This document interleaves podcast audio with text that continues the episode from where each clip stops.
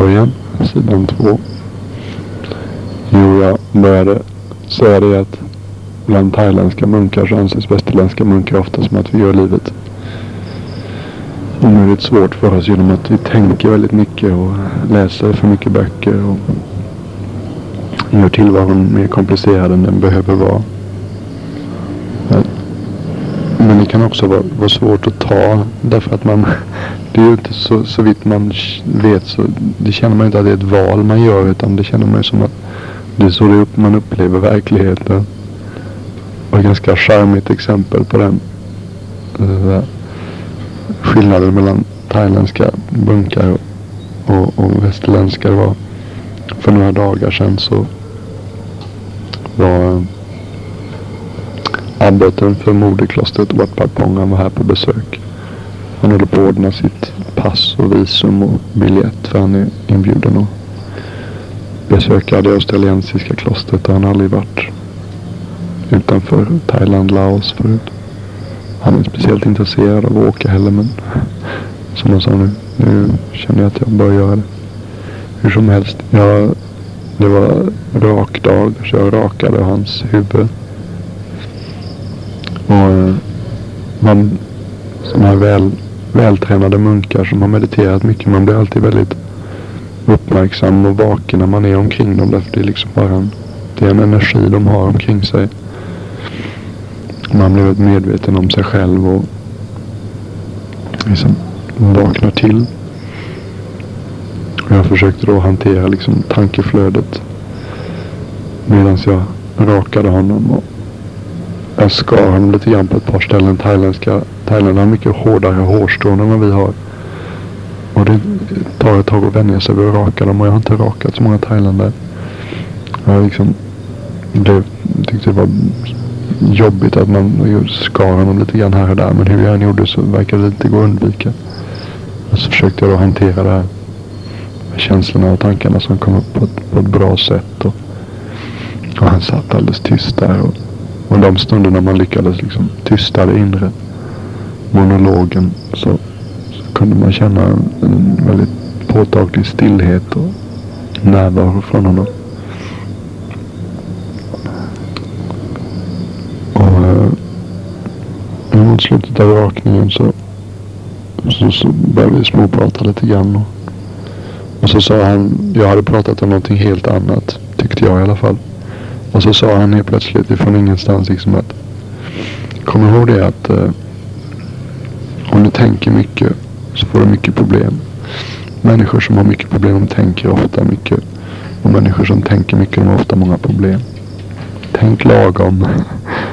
Tänk lagom sa han. Jag har ofta liksom undrat över det i träningen. Att man tysta det inre flödet. Det, det, är, det är uppenbarligen omöjligt.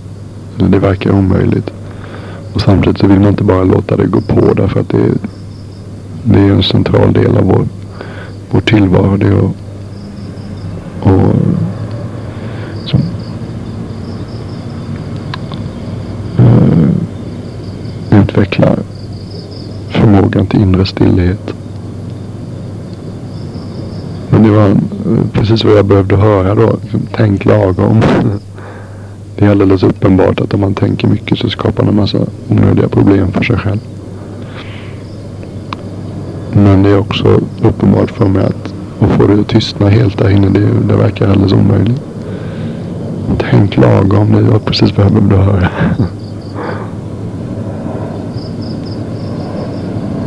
Men den, den liksom rollen stod mamma för ofta när man var liten. Men inte, gör det inte för komplicerat, så komplicerat är det faktiskt inte. Man fick ett annat, ett nytt perspektiv på saker och ting. Eller ett annat perspektiv.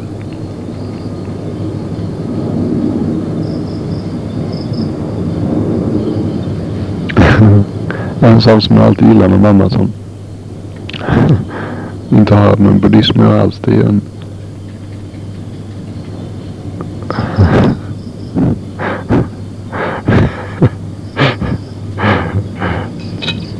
inga, inga övriga likheter med Mikael Nachemsson. Men jag fick höra någon gång att Mikael Nachemsson kom ut från en Rambo-film. när vi gick på handel så hade han varit och sett en Rambo-film med någon och så hade han spontant sagt att ja, han vet verkligen vad grabbar vill ha, hade han sagt om Sylvester Stallone som då är regissör och huvudroll. Men kommentaren kan sägas om mamma också. Mamma visste vad grabbar ville ha. När mamma tar Mamma tar, alla, tar mig och alla mina kamrater till oh, vad hette den lilla biografen på Linnégatan? Jag önskar jag kunde komma ihåg det men det kommer inte. Jag något franskt namn. I alla fall när mamma tar, kör in mig och mina kamrater. Vad kan vi ha varit? Skulle gissa en 10-12 år. På sin höjd. 10 snarare än 12. Tar mig och alla mina kamrater och kör in oss till lilla biografen som fanns högt uppe på Linnégatan nära Linnéplatsen. Och alla får varsin rejäl gottpåse. Och så sitter vi och ser Geronimo, den sista hövdingen. Då tänkte man sitt stilla sinne, mamma vet vad grabbar vill ha.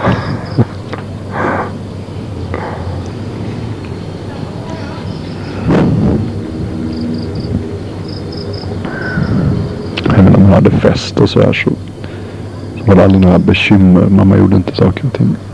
Mamma vet vad grabbar vill ha. var känslan då också. Eller om man hade vänner hemma och man skulle käka på eftermiddagen eller sånt där så var det också aldrig några bekymmer. Jag vet inte om ni, om ni känner till det men det fanns ju faktiskt det fanns faktiskt kök i Hovås där mammor, mammor kunde höras säga Åh nej. Vår son har tagit med sig Björn Lindeblad på besök. Och de syftade på vad det var det skulle inte finnas någon mat kvar i kylen när jag hade, när jag hade varit igenom den. Åh nej, Björn Lindeblad har kommit på besök.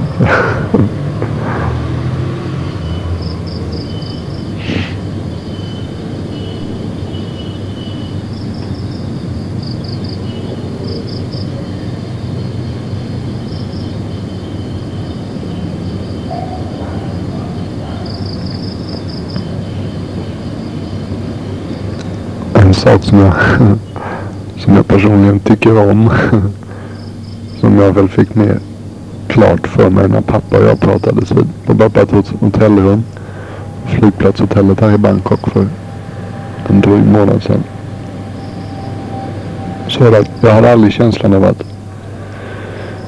du hade en riktigt stark sån här killer, killerinstinkt.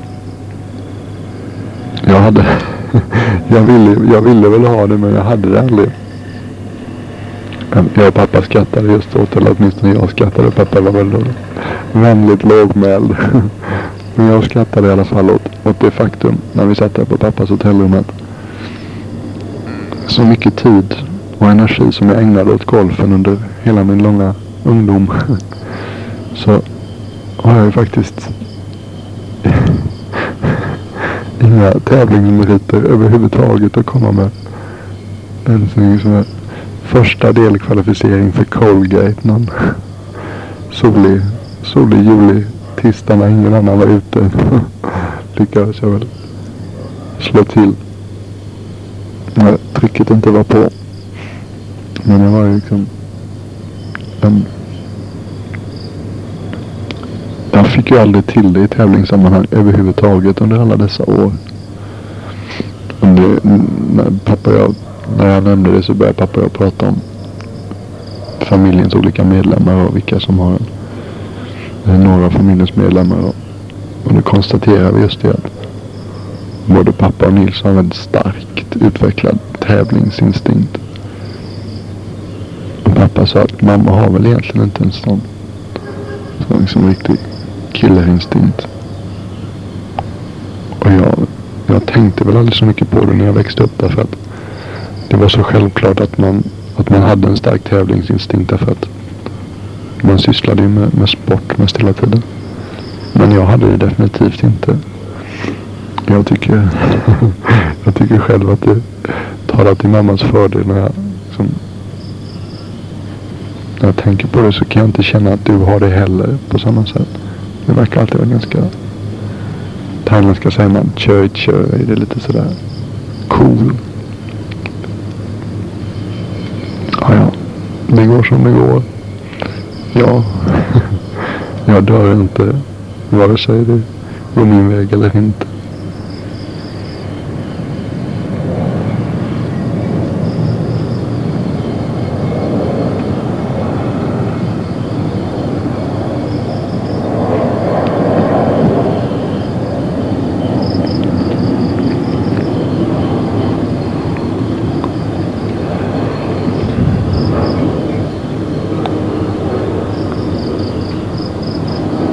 Tack så mycket för ditt sista brev.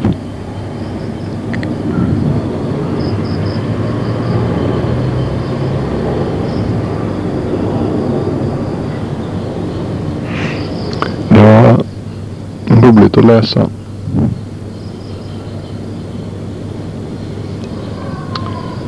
Det kändes innerligare, tror jag, än något annat brev jag någonsin har fått från dig. Väldigt...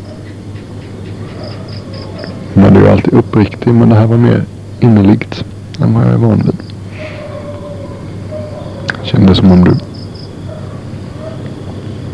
pratade om saker som liksom verkligen var angelägna för dig.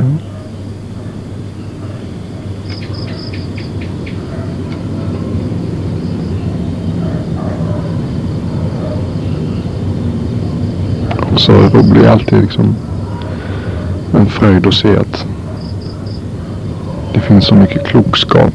Liksom vettiga och förnuftiga ofta visa liksom, reflektioner kring saker och ting som händer i ditt liv.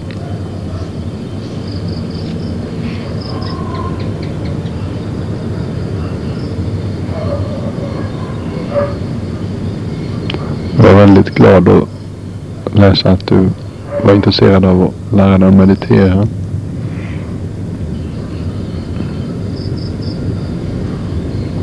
Tänkte väl hålla det lite två olika saker. Det här är födelsedags, födelsedagsbandet. I en lite mer lättsam, lättsam anda. Men sen om, om du tycker det är roligt. Vi kan ju se hur det går men jag tycker det skulle vara roligt då. Pö om pö då och då när inspirationen dyker upp så kan man så kan jag försöka tala in någonting på ett kassettband just om introducera lite uppslag till meditation.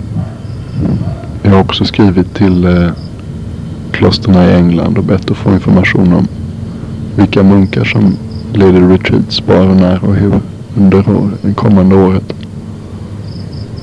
Därför det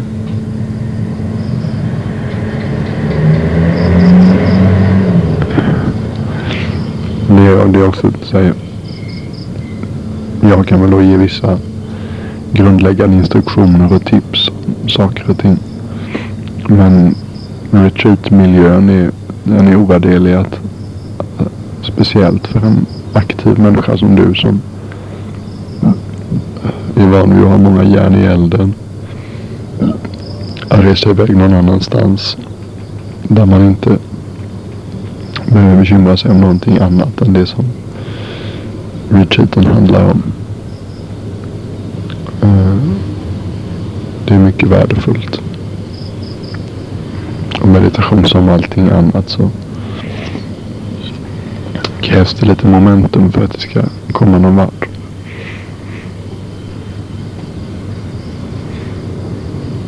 Plus att nu har du varit på nära chat flera gånger och är förmodligen något sån där bekväm bland,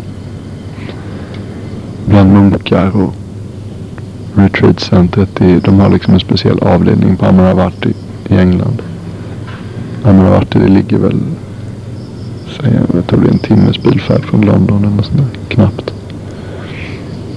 Och de har ett speciell del av området som är organiserat speciellt för retreats. Eller meditationskurser kan man kalla det på svenska. Med då snart 20 års erfarenhet. Nu känner jag ju till alla munkarna som, som, som ger retreats. Eller de flesta i alla fall. Men det tycker jag själv vore det någonting som du skulle definitivt ge dig på förr eller senare. Men, ni det kan man tala mer om när jag har fått information om vad som, vad som försiggår under det närmaste året.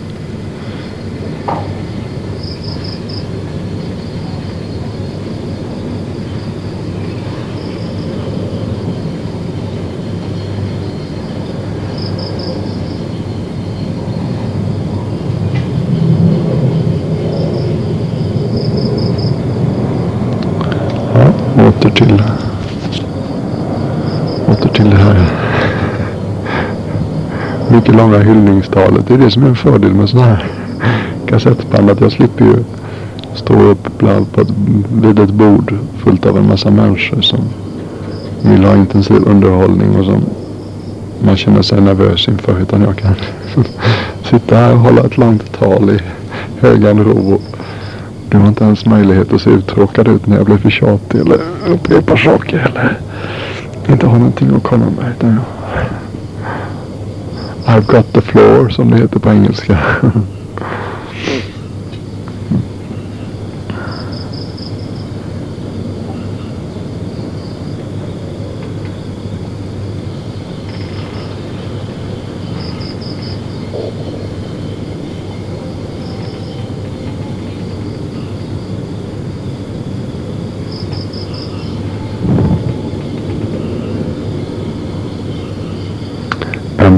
sidan av din moderlighet som man ofta var tacksam för så var det det här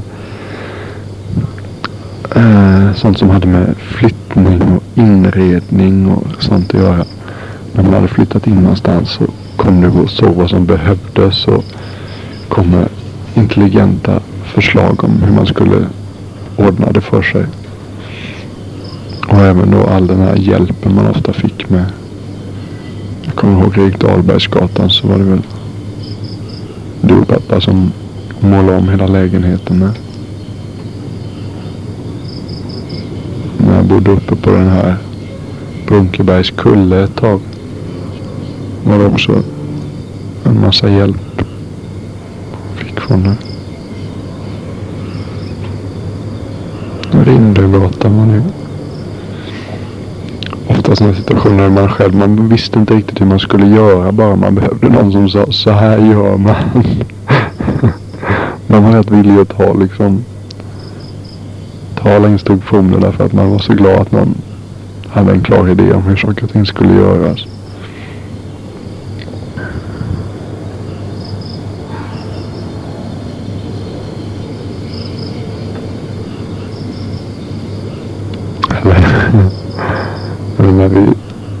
Sökte besökte mig i Paris och noterade att det behövdes en matta i, i allrummet.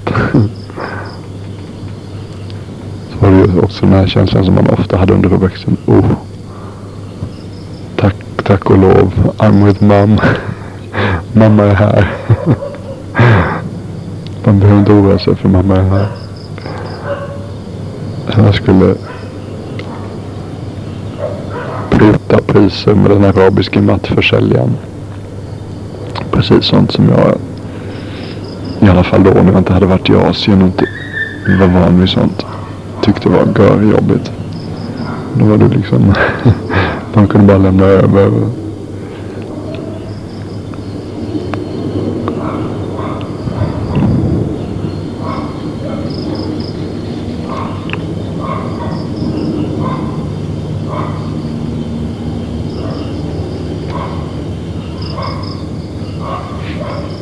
Som jag har märkt att man har burit med sig så är det en, en känsla för att göra saker och ting trevliga, göra dem mysiga, bry sig om atmosfären. Känna en slags liksom, ansvar och glädje i att göra det så trevligt som möjligt.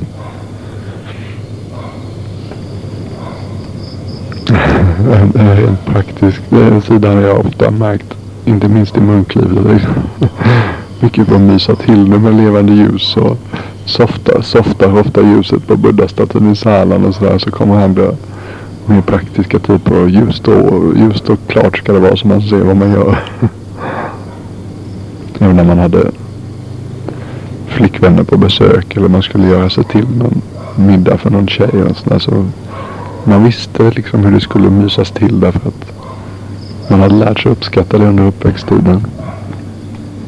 Alla högtider som jul och födelsedagar och midsommar och allt vad det var så var det eller ja, söndagmiddagar och liksom alla tillfällen när det var någonting, när vi samlades för något syfte. Så var det alltid genomtänkt och välarrangerat och trevligt. Det kanske låter lite, lite fyrkantiga ord att beskriva det men kanske mer känsloladdat ord. Men att det fanns en, en värme i värdskapet som, som inte alls är självklar. Och när man åt hos vänner ibland så kunde man tycka, så en vardagsmiddag kunde man tycka att det var liksom bara slamrigt och, slamrigt och omysigt. Men hos oss, så vitt jag kan komma ihåg, så var det alltid, liksom alltid ett trevligt tillfälle, middag. Alla alla födelsedagar. Fem gånger om året. Så, så var det alltid allt som skulle finnas på bordet och tårtan var ordnad och ljusen var tända och allting var klart tidigt, tidigt på morgonen när vi firade vem det nu skulle firas. Eller den perioden i livet när Hans var liten och man ibland förstod i de mest hutlösa tiderna på natten och tidiga morgonen att han behövde tas om hand av olika skäl om han var dålig eller vakna eller behövde bytas på eller vad det nu var. Så var det liksom, man tänkte nästan inte ens på man bekymrade sig inte över det för man visste att Mam säger Mamma klarar biffen.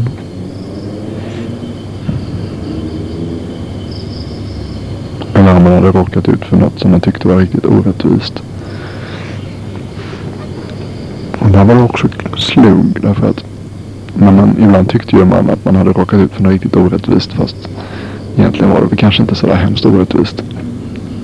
Och det kunde man aldrig komma undan med med det om man till exempel ville klara på någon lärare eller någon vän som hade svikit en eller gjort något oschysst. Om man inte hade ett bra, if you didn't have a case. om man inte hade korten på sin, eller om man inte hade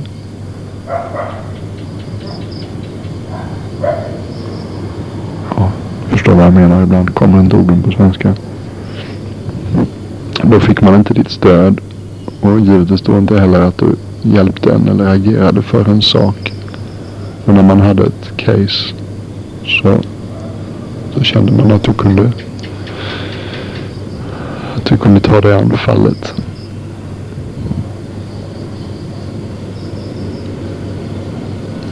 Ofta om det var någon lärare som var extra fånig och som på föräldrakvarten sa någonting fånigt så kom du hem från föräldrakvarten och så berättade du om det och så berättade du om den här läraren som sa någonting fånigt och sa att du också tyckte att det var fånigt. Då kände man tack och lov att mamma är som hon är.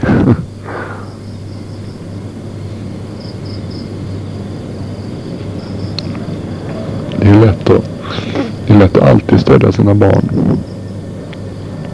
Oavsett så att säga omständigheterna. Men det är ju ingen egentligen speciellt förtjänt av.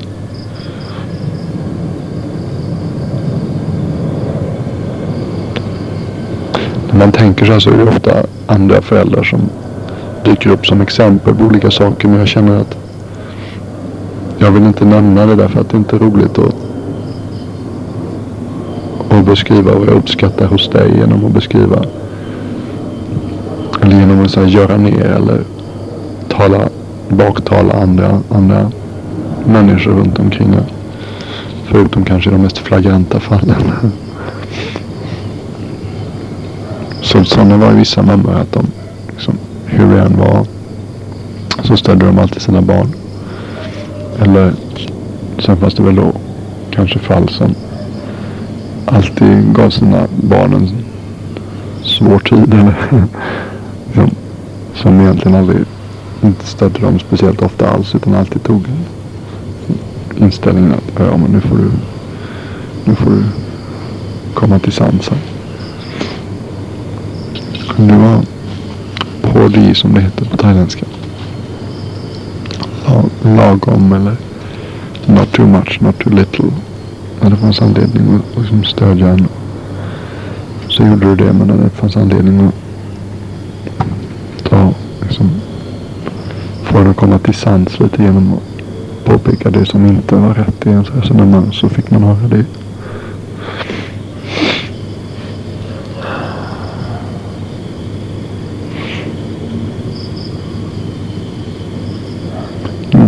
Gnällighet var nog en sak man slapp väldigt mycket. I vissa hem så kunde det gnällas hela tiden. Det gnälldes på att barnen inte gjorde som de skulle eller inte hjälpte till tillräckligt eller ditten eller datten. Jag vet inte, man måste ha varit rätt hårdhudad. Men vi fick ju höra att vi inte hjälpte till tillräckligt mycket. Det fick man ju höra då och då. På ett tydligt och klart sätt. Det gick inte att ta miste. Men, men det, det var, tog inte så mycket skrubb. Jag lider mycket av det i klosterlivet. Att jag retar upp mig på folk som inte hjälper till. Får man många möjligheter, tillfällen att träna mig på ett sånt här ställe. Som en slags hotellkloster där folk, munkar som har då någonting att uträtta i Bangkok kommer ifrån Isan eller någon annanstans utanför Bangkok och kommer hit och bor ett par dagar och uträttar vad de ska och sen åker de tillbaka till sitt hemkloster igen. Och det är klart att många av dem är lite sådär på semester eller inte hemma på sitt kloster och kanske inte hjälper till så mycket. Och eftersom vi är så få munkar här, eftersom det är ett sånt stökigt ställe att leva på, så, så, så är man ofta liksom på jakt eller på utkik efter folk som kan hjälpa till med saker och ting. kan ofta fastna i sådana här tjötiga tankemönster. Nu kommer han här och ska vara här i en vecka och så hjälper han inte till utan ligger bara och sover eller sysslar med sina egna saker när det är dags att hjälpa till med klostergöromålen. Men att den inre gnälligheten som vi alla kan känna inte tog sig mer uttryck i yttre gnällighet när vi växte upp. Det är jag tacksam för.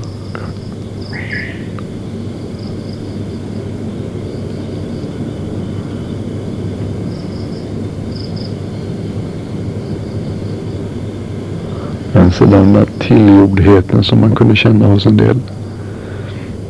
Man tyckte ju att de var tanter, liksom alla i en generation var väl i stort sett tanter.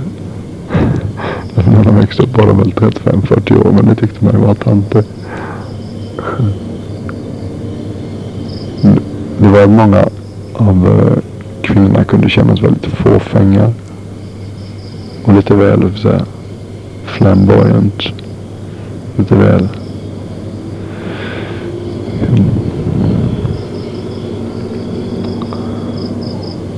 utpräglade i sin klädsmak eller sitt sätt att föra sig. Men det slapp man också med dig då. Liksom.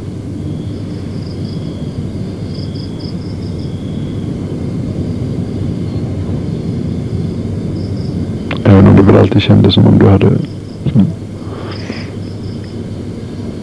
Du var alltid intresserad och, liksom, av att se proper och välklädd och fin ut. Där, men det blev aldrig fånigt.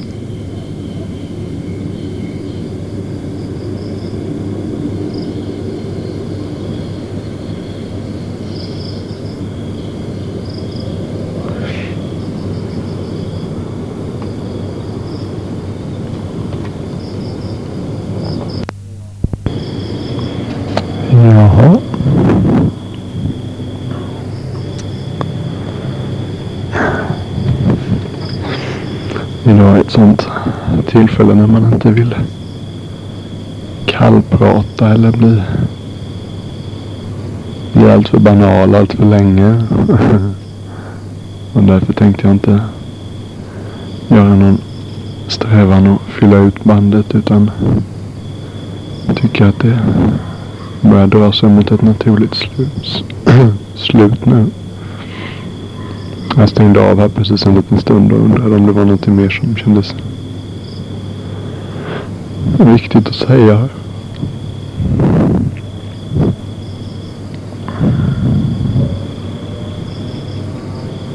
Jag är själv glad över att det här tillfället dök upp.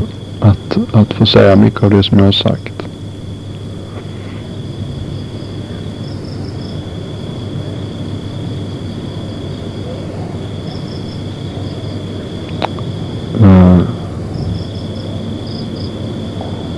Jag försöker leva mitt liv som så mycket det går. Så att, så att jag är redo att dö, knall och fall, här och nu. Och inte känna att det finns en massa saker som jag borde ha gjort. Om, eller snarare när döden kommer. Och ett sånt här, sånt här band hjälper den, hjälper den strävan mycket.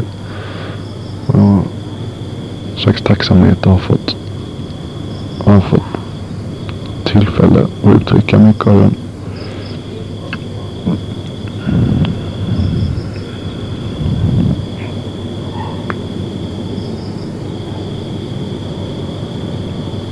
Mm. Eh, lite filosofisk grej. Men det är faktiskt ingenting i livet som kan tas för självklart. Om man utgår från det. Och så ser man tillbaka då på, om jag då i mitt fall ser tillbaka på mitt liv och vilken uppväxt man hade och vilka föräldrar man hade.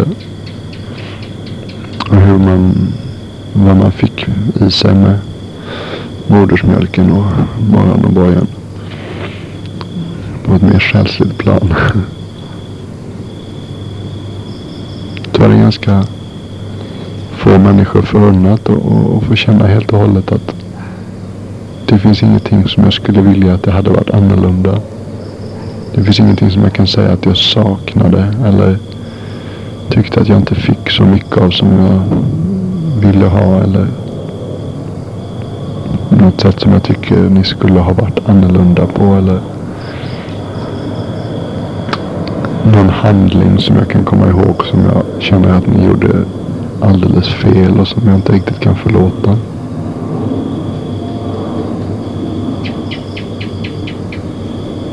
Det har väl i viss del att göra med att vi har sånt fint förhållande nu som vi har.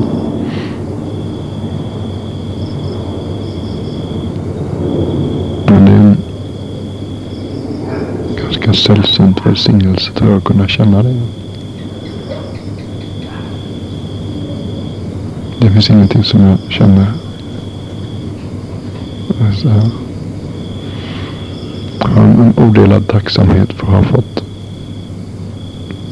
fått, fått, fått att ha just det som förälder.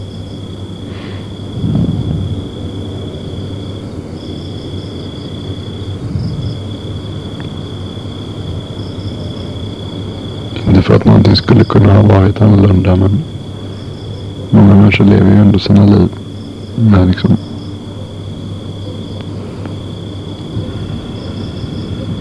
med grämelse över att det var som det var på olika vis. Och det har absolut inte någonting av det alls.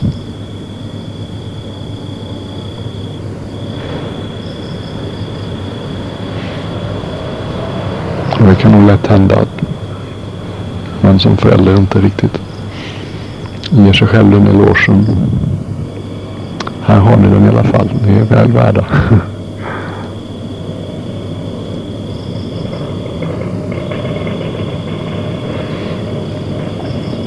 En tanke som slog mig när jag samlade mig för någon slags avslutande ord här så var det att det finns vissa likheter mellan uh, vad Lumpo Someto har försökt säga till mig. Och han försökte säga till mig när han var i Oborn i julas och, och vad jag kan känna med mamma ofta. Lumpo Someto försökte att uh, få mig att lita mer till, till min egen inre visdom och till mitt eget omdöme. Och till min förmåga att hitta, hitta rätt i tillvaron. Och oroa mig mindre över hur andra ser på saker och ting. Och, och så att säga, vara mindre eh, och inte vara så påverkbar från andras. Inte vara, om ni förstår vad jag menar. Det kan jag känna med mamma också ofta att, att det finns stor anledning att ha mer tillit, mer tillit och själv, mer tillit till din inre kapacitet och, och sortera ut saker och ting så att det blir rätt. Du är tillräckligt liksom. Du har så mycket att komma med så att det är synd och skam om du ska bekymra dig för mycket över hur andra, andra ser på saker och ting.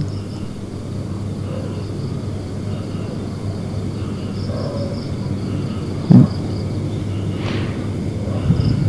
Hoppas att du, liksom förhoppningsvis jag, ska växa i tillit till din egen förmåga och lösa lösa knutarna längs livets väg. Ja, det blir lite så, kanske flummigt här men jag, jag vet vad jag ville säga. Jag vet inte om jag fick det sagt men jag tror det. Glad födelsedag. Det dyker kanske upp några, någon eller några säkert lite okonventionella meditationstekniker så småningom. Men när och hur, det vet jag inte riktigt nu. Det får vi se.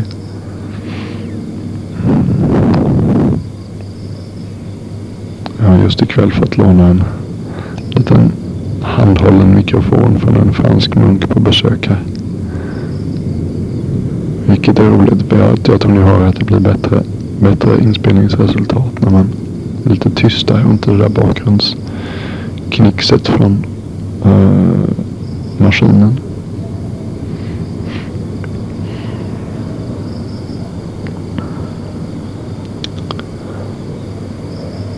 Okej. Okay. God lycka. Jag hoppas att jag tänker skicka det här på, till Nils och Petra och be Nils och ordna så att pappa tar med sig kassettbandet och något att lyssna till det på. Lyssna på det till. och något att lyssna till det med. till Sardinien. Så att du får höra det i bästa fall till och med på din födelsedag.